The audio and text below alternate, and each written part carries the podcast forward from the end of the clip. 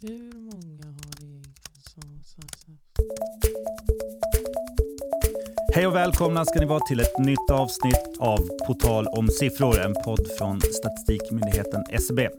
Mitt namn är Nissa Shakur och det är jag som leder den här podden. Och när jag inte gör det, när jag inte spelar in de här poddavsnitten så sitter jag och jobbar som pressansvarig på SCB. Idag ska vi prata om urbanisering. Vi ska prata om stad, vi ska prata om landsbygd, vi ska prata om tätorter, vi ska prata om kommuner. Om alla de här begreppen, hur de funkar, vad som är vad, varför det ser ut som det ser ut. Till vår hjälp idag, eller till min hjälp idag, har jag Stefan Svanström. Välkommen Stefan. Hej, hej. Vad bra att du är här. Stefan jobbar som GIS-expert på Statistiska centralbyrån på SCB. Kan inte du berätta, vad, vad gör en GIS-expert? Som om inte det vore ju självklart. Eh, Det lovar jag. Det är ingen som har någon aning om det, förutom dina kompisar på våning 6. ja, det är skönt att det finns några i alla fall. Eh, GIS står ju för Geografiska informationssystem. Eh, vi jobbar mycket med digitala kartor. Eh, ett annat namn för det här är geodata. Vi använder satelli- satellitdata eller kartor tillsammans med folkbokföringsregister eller företagsregister. Och utifrån de här sakerna så skapar vi statistik. Du, det är jättebra att du är här, för att eh, vi, vi vet ju att landsbygd, det är någonting som intresserar väldigt många. Man pratar om Sveriges landsbygd, att, den, eh, att det inte går så bra för den. Det är ingenting som vi kommer ta upp här.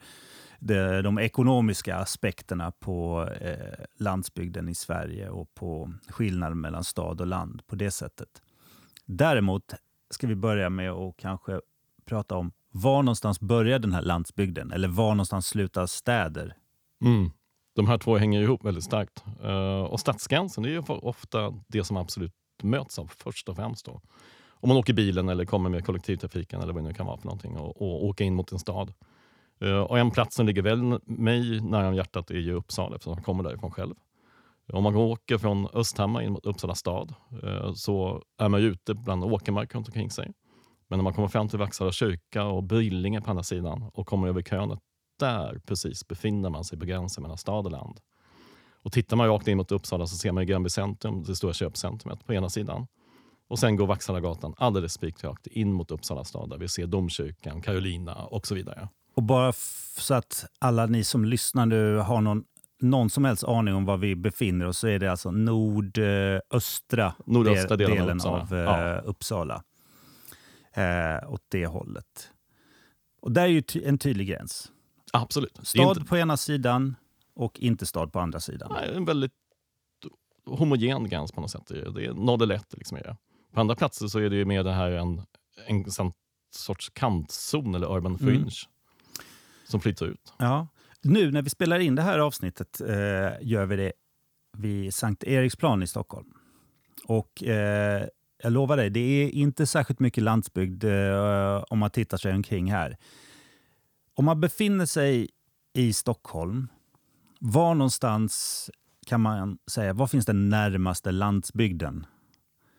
För att eh, här kanske, förlåt att jag avbryter, för Mm. här kanske vi må- måste berätta lite om tätort också. För det är där tätorten börjar sl- avta som landsbygden Mm, börjar. Det kan man säga. Är, vi använder tätorter som begrepp och har gjort sedan 60-talet hos oss.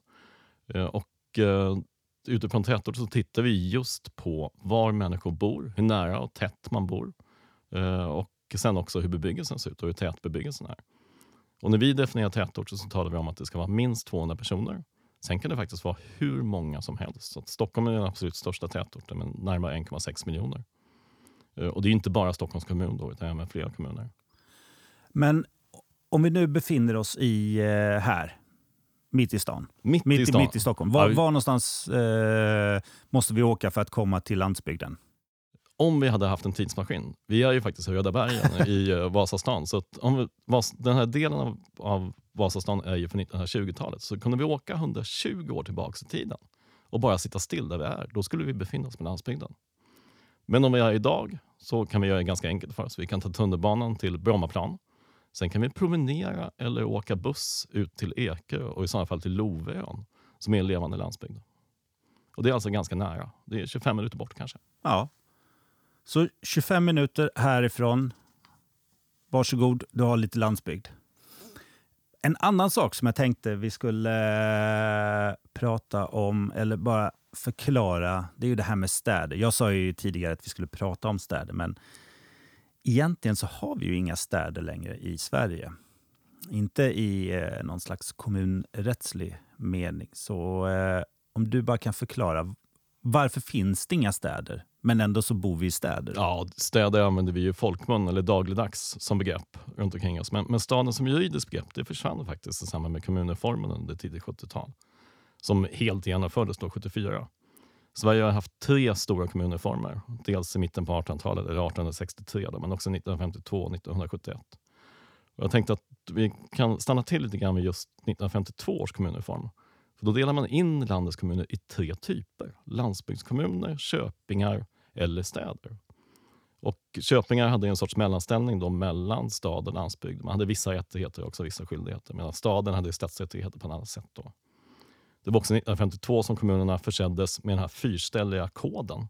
Ett personnummer för, stä- för kommuner? Ja, en sorts personnummer för kommunerna. Uh, och som de flesta säkert känner igen med den här kommunkoden så är de första två siffrorna det är ju länet som visar vilket län man tillhör. Men de två sista sa faktiskt om man hade varit en gammal stad. Så att hade man 80 upp till 99 då hade man haft gamla stadsrättigheter i den kommunen. Uh, och Det här gäller faktiskt fortfarande idag förutom två. Och Det är Vellinge i Skåne och Danderyd i Stockholm som har andra siffror. Då. Som inte har 80? Som inte har åt, mellan 80 och 99. Känns ju inte som de är sådär jättestora städer. Eller att det, det, var ju inte jättestora städer då. Nej, nej, nej det kan man inte säga. Det är, Eh, en, annan sak som det här under 70-talets kommunreform så upphörde den här indelningen eh, av stad och land och, eh, som administrativt begrepp och istället så talar man om primärkommuner. Och då testade man faktiskt innan, från mitten på 60-talet, det var massor av utredningar runt det här, och då talade man om kommunblock. Och då för, gjorde man förslag på kommunsammanslagningar. En del av de här gick aldrig igenom. Exempelvis var ett förslag att Solna och Sundbyberg skulle vara en och samma kommun. Så kommer det aldrig att bli. Och det finns flera andra exempel på det. Eh, men man hade väldigt många kommuner i landet. Eh, det var närmare 1037. Och idag så är det ju 290. Ja, 290, så ja precis. Betydligt Men det, färre. Betydligt färre. Men det roliga är att vid kommunsammanslagningen då på 70-talet, då var det 278 kommuner. Så det har alltså ökat sedan dess. Vi har ju fått några nya. Knivsta exempelvis, som har bytt sig loss från Uppsala. Men också Nykvarn som har knoppats av från Södertälje. Du, en annan sak som är så här lite krånglig med kommuner och städer, som jag vet att många har svårt för och som dessutom inte gör det enklare när vissa kommuner dessutom kallar sig för städer. Mm, det är ungefär 15 stycken faktiskt. Jag vet att det är um, Helsingborgs stad. Fast det heter ju Helsingborgs kommun. Mm, men de väljer själva att kalla sig stad. Och sen är det Solna och Stockholm och så några till. Jag kommer Mm. inte ihåg alla. Men det, vad jag menar är att det, det gör det ju inte enklare för en vanlig människa som inte har koll på de här begreppen, men som kommer ha koll på, på dem nu efter detta. Nej, men så, det blir ju lite krångligt förstås när, när kommunen själva väljer att kalla sig för stad, för då avser man ju hela kommunens yta. Precis. Mölndal kommun är ju en sån där, där man kallar sig själva Mölndals stad. Och är man i södra delen av Mölndal så är ju väldigt mycket skog exempelvis. Känns Eh. inte så mycket stad med en stor skog i staden. Nej, men, men man kan ju ha parker då, men det här är ju Ja, är någonting sant. helt annat. Eh, väldigt många kommuner består ju faktiskt av både landsbygd och, och tätort samtidigt. Det stora flertalet. Sumpan är väl kanske en av de få undantagen i sådana fall. Ja, det är väl... Hela, hela kommunen är en stor tätort. Och så kanske man ska säga Sundbyberg då om man ska vara Ja, just det. Precis. Fakta. Eller? Feeling. I Stockholm bor det 950 000 människor. Fakta eller feeling? Fakta. Ja, det stämmer faktiskt. Det bor 950 000 människor i Stockholm, men det är i Stockholms kommun. I Stockholms tätort bor det 1,6 miljoner människor och i Stockholms län bor det hela 2,3 miljoner människor. Det beror helt enkelt på vad man syftar på när man pratar om hur många som bor i Stockholm. Visste du om det här, Stefan? Ja, det är klart att du visste om det här. Ja, det, det kände jag på mig. Men visst är det svårt att hålla isär de olika begreppen när man säger Stockholm Mm. Och eh, man, man använder ju Stockholm väldigt generaliserande många gånger. eh, Utan att riktigt fundera på vad det betyder. Säg exempelvis att du bor ute på Landsort i Nynäshamns kommun. Då bor du på en ö. Eh, Du behöver åka båt för att komma in till Nynäshamns fastland. Och därifrån i sin tur, om du ska in till Stockholms stad, så har du närmare en timme med pendeltåget. Ja, det känns inte så mycket Stockholm när man bor där ute, men det är ju ändå en del av Stockholm. Ja, ja i Stockholms län, absolut. Ja. Du, eh, eh, det är ju bara vad jag vet eh, Stockholm som det går att dela upp på, på de här tre olika sätten. Göteborg och Malmö går ju inte längre eftersom Malmöhus län inte längre finns och Göteborgs län inte finns heller. Mm, nej, precis. Västra Götaland heter ju det istället och i fasligt många kommuner faktiskt. Ja, det känns inte som, eh, vad blir det, Borås är en del av Göteborg.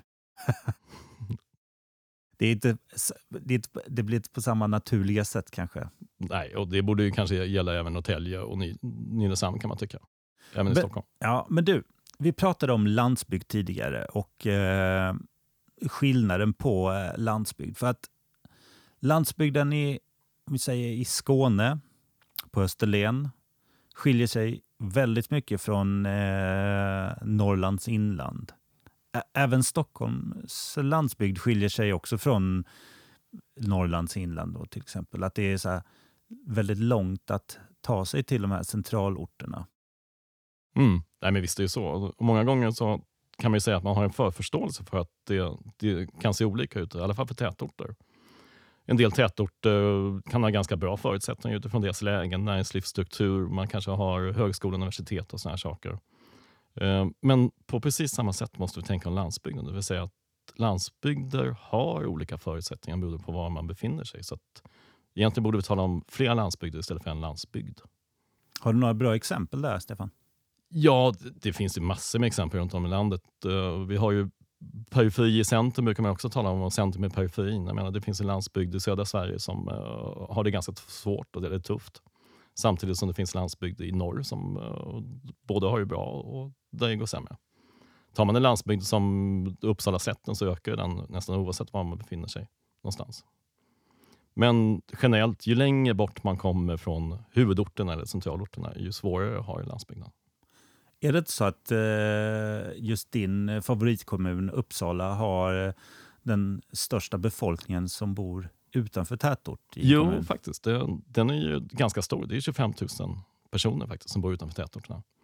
Uppsala stad, eller Uppsala tätort eller centralorten, då, den har ju 153 000 invånare. Av de här 215 000, eller 220 i Uppsala. 220 000 har Uppsala passerat faktiskt. Se där. Övriga tätorter finns ju också i Uppsala. Där har man ju 36 000 invånare tillsammans. Då. Men 25 000 boende utanför tätort. Men det är ju inte bara Uppsala det ser ut på det här sättet. Vi har ju Norrtälje eh, med över 20 000 invånare boende på landsbygden. Vi har Gotland som också är över 20 000. Det är ganska många kommuner faktiskt.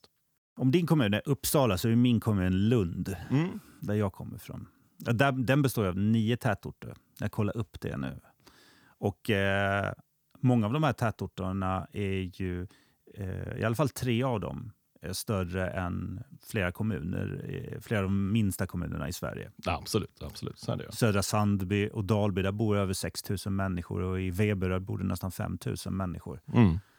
Det är, jag tror att det är i Arvidsjaur eh, som det bara bor en 3-4 tusen människor. Och det är en kommun som är större än hela Skåne. Mm.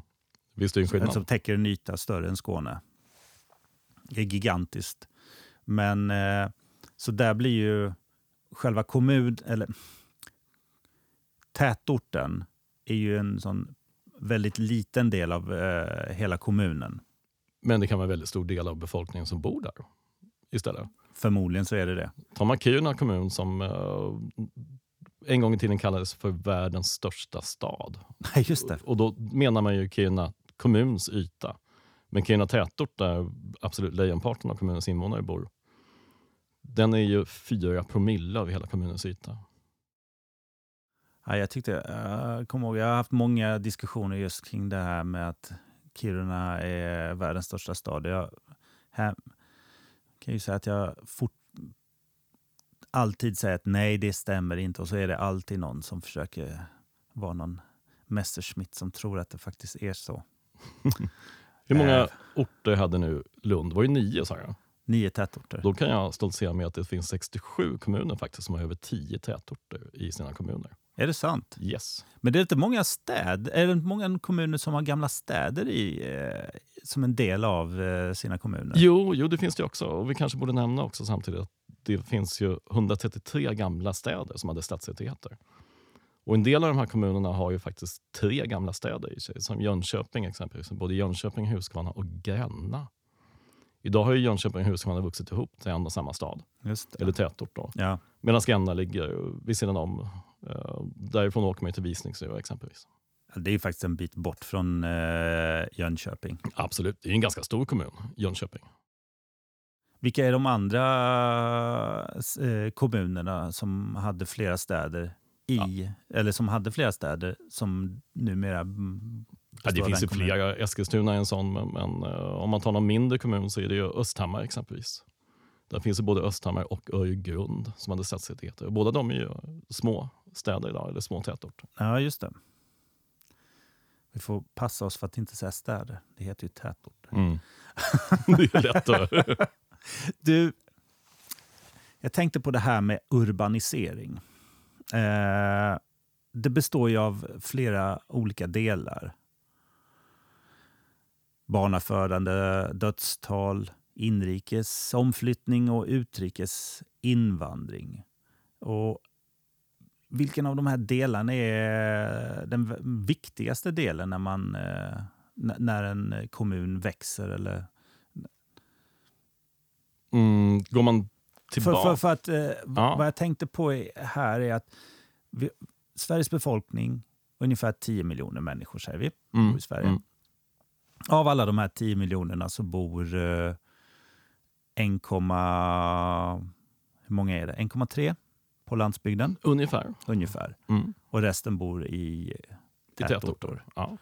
Och eh, här är det så att eh, tätorterna växer ju snabbare än landsbygden. Och då är det, består det av de här delarna. Men om du kan guida oss genom vad det är som är de viktigaste beståndsdelarna i eh, en urbanisering. Mm, du var inne lite grann på det här med just barnafödande dödstal, inrikes omflyttningar men också utrikes invandring. Då. Eh, Och eh, om vi bara hoppar tillbaka och flyttar oss 70 år tillbaka i tiden, till 50-talet, så var urbaniseringen som absolut starkast, eller snabbast i Sverige. Då. Eh, Det var ju väldigt många som flyttade från landsbygden in till staden. Eh, Man fick flyttbidrag exempelvis för att flytta till där jobben fanns och såna här saker. Och på en tioårsperiod kunde det vara 400 000 människor som flyttades från landsbygd till stad. Och skulle vi haft samma takt fram till idag, då skulle Förlåt, vi vad sa du? 400 000 personer. 400 000? Jag tror du sa 4 000. 4 000? Nej, 400 000. Eh, om vi skulle ha fortsatt med den takten då hade vi i princip inte haft några boende på landsbygden alls idag. Ehm, men idag så, så ligger befolkningen ganska still på landsbygden. Så att, eh, I absoluta tal. Det ligger där någonstans, knappt 1,3 miljoner invånare. Eh, uh, förändras lite, lite grann under de här olika perioderna. Eh, men däremot så ökar hela tiden tätortsbefolkningen. Och det är ju mycket tack vare att vi har människor i barnafödande åldrar som bor i tätorter. Vi har också en invandring som många gånger styrs mot tätorter. Ehm, det här tillsammans gör ju att andelen boende i tätorter ökar. Det vill säga urbaniseringsgraden av landets befolkning blir ju större och större. Så att vi blir fler och fler som bor i tätort jämfört med landsbygden. Och idag så bor ju 87 procent av oss bor ju i tätort. Så att 87 procent av oss tränger ihop oss med 1,5 procent av Sveriges landyta. Mycket folk, men lite yta. Men Stefan, varför pratar man om urbanisering så mycket nu för tiden? Mm.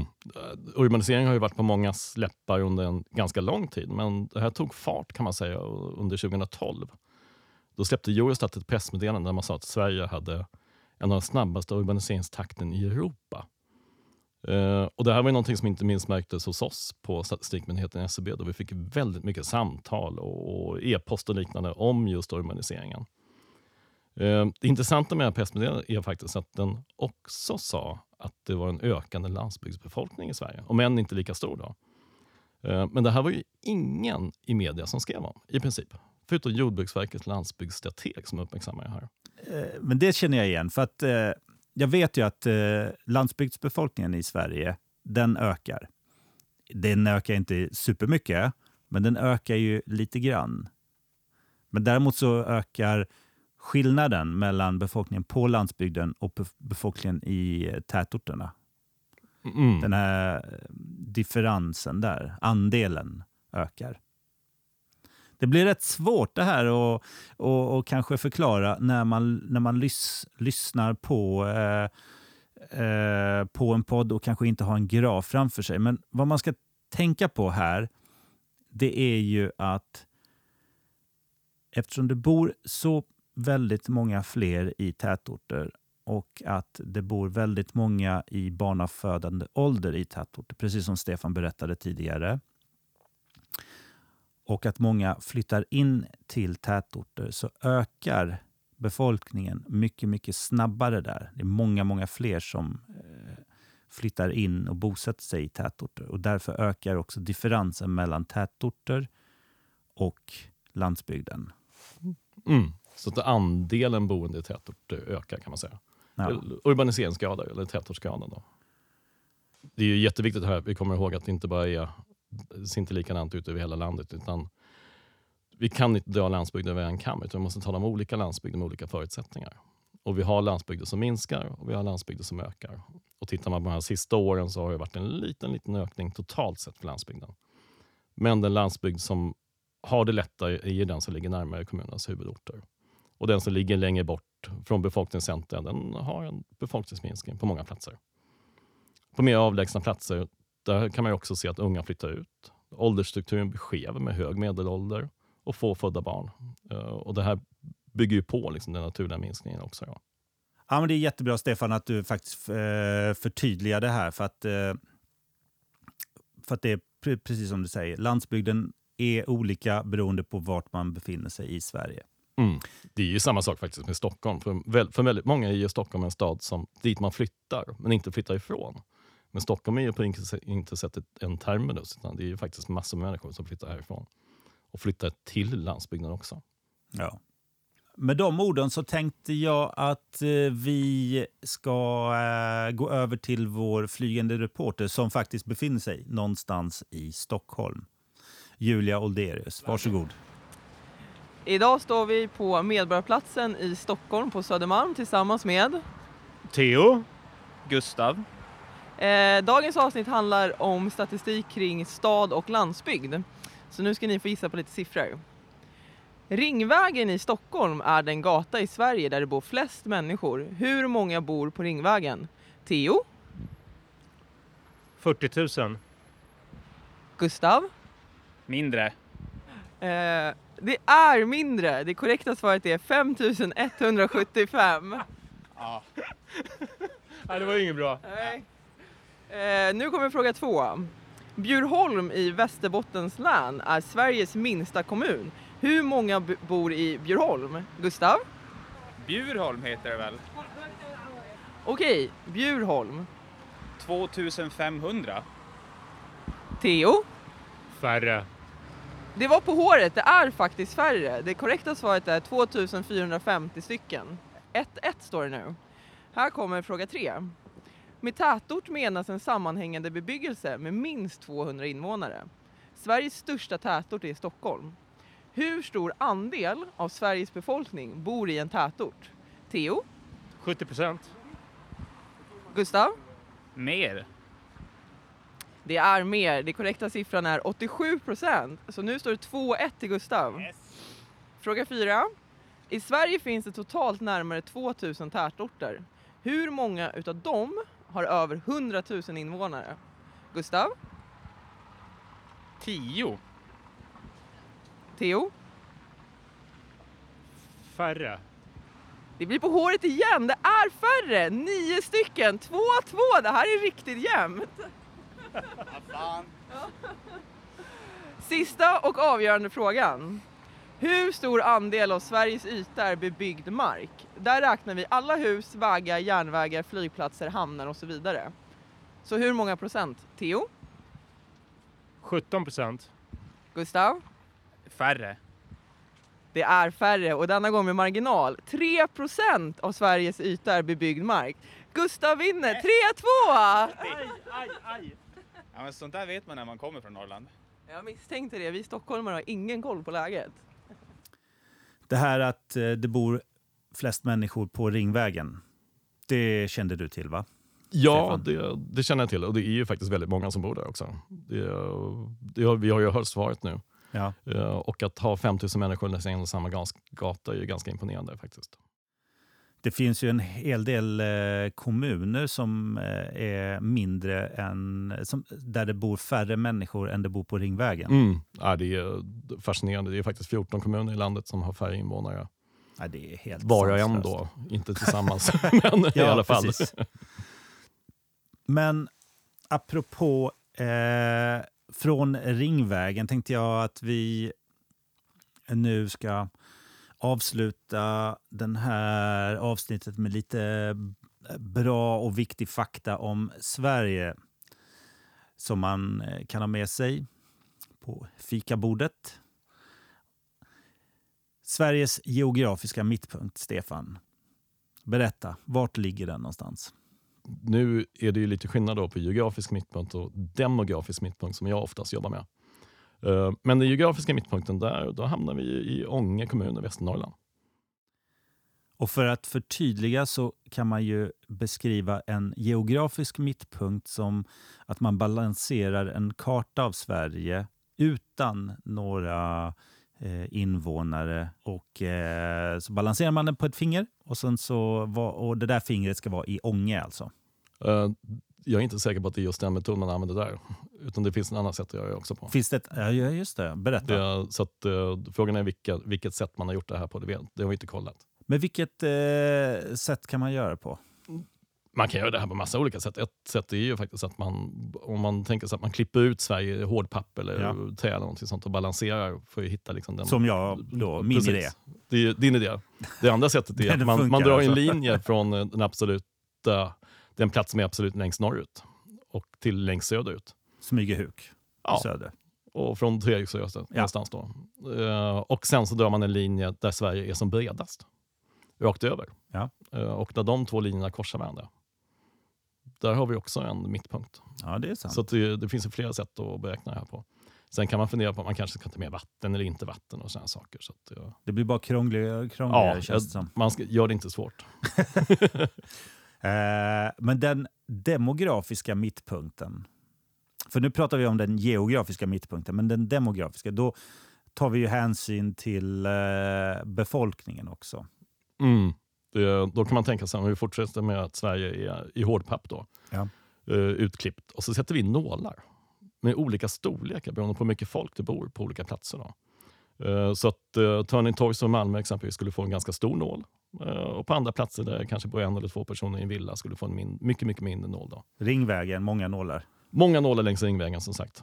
Eh, men om man fortsätter med de här nålarna och försöker hitta mittpunkten då för att balansera, då hamnar man faktiskt i Hjortkvarn i Hallsbergs kommun.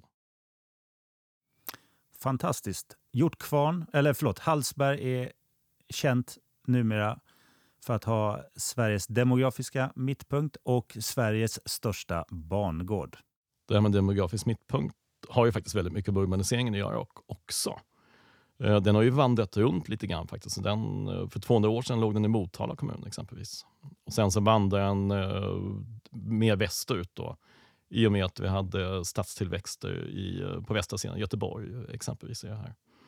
Eh, men efter, säg 1840-talet, så började den röra sig norrut. Eh, ganska mycket faktiskt eh, förbi Askersund upp till Kumla. Mycket av det här hade att göra med emigrationen till USA exempelvis. Men också koloniseringen av norra Sverige.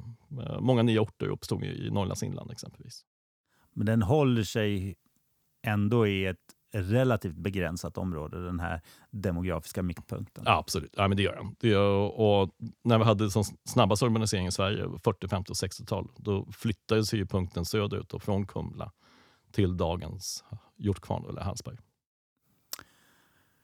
Stort tack Stefan för att du eh, var med i dagens avsnitt av På tal om siffror och eh, Jättebra att du kunde ge oss massa ny kunskap och insikt i hur det funkar med städer, kommuner, tätorter och landsbygd.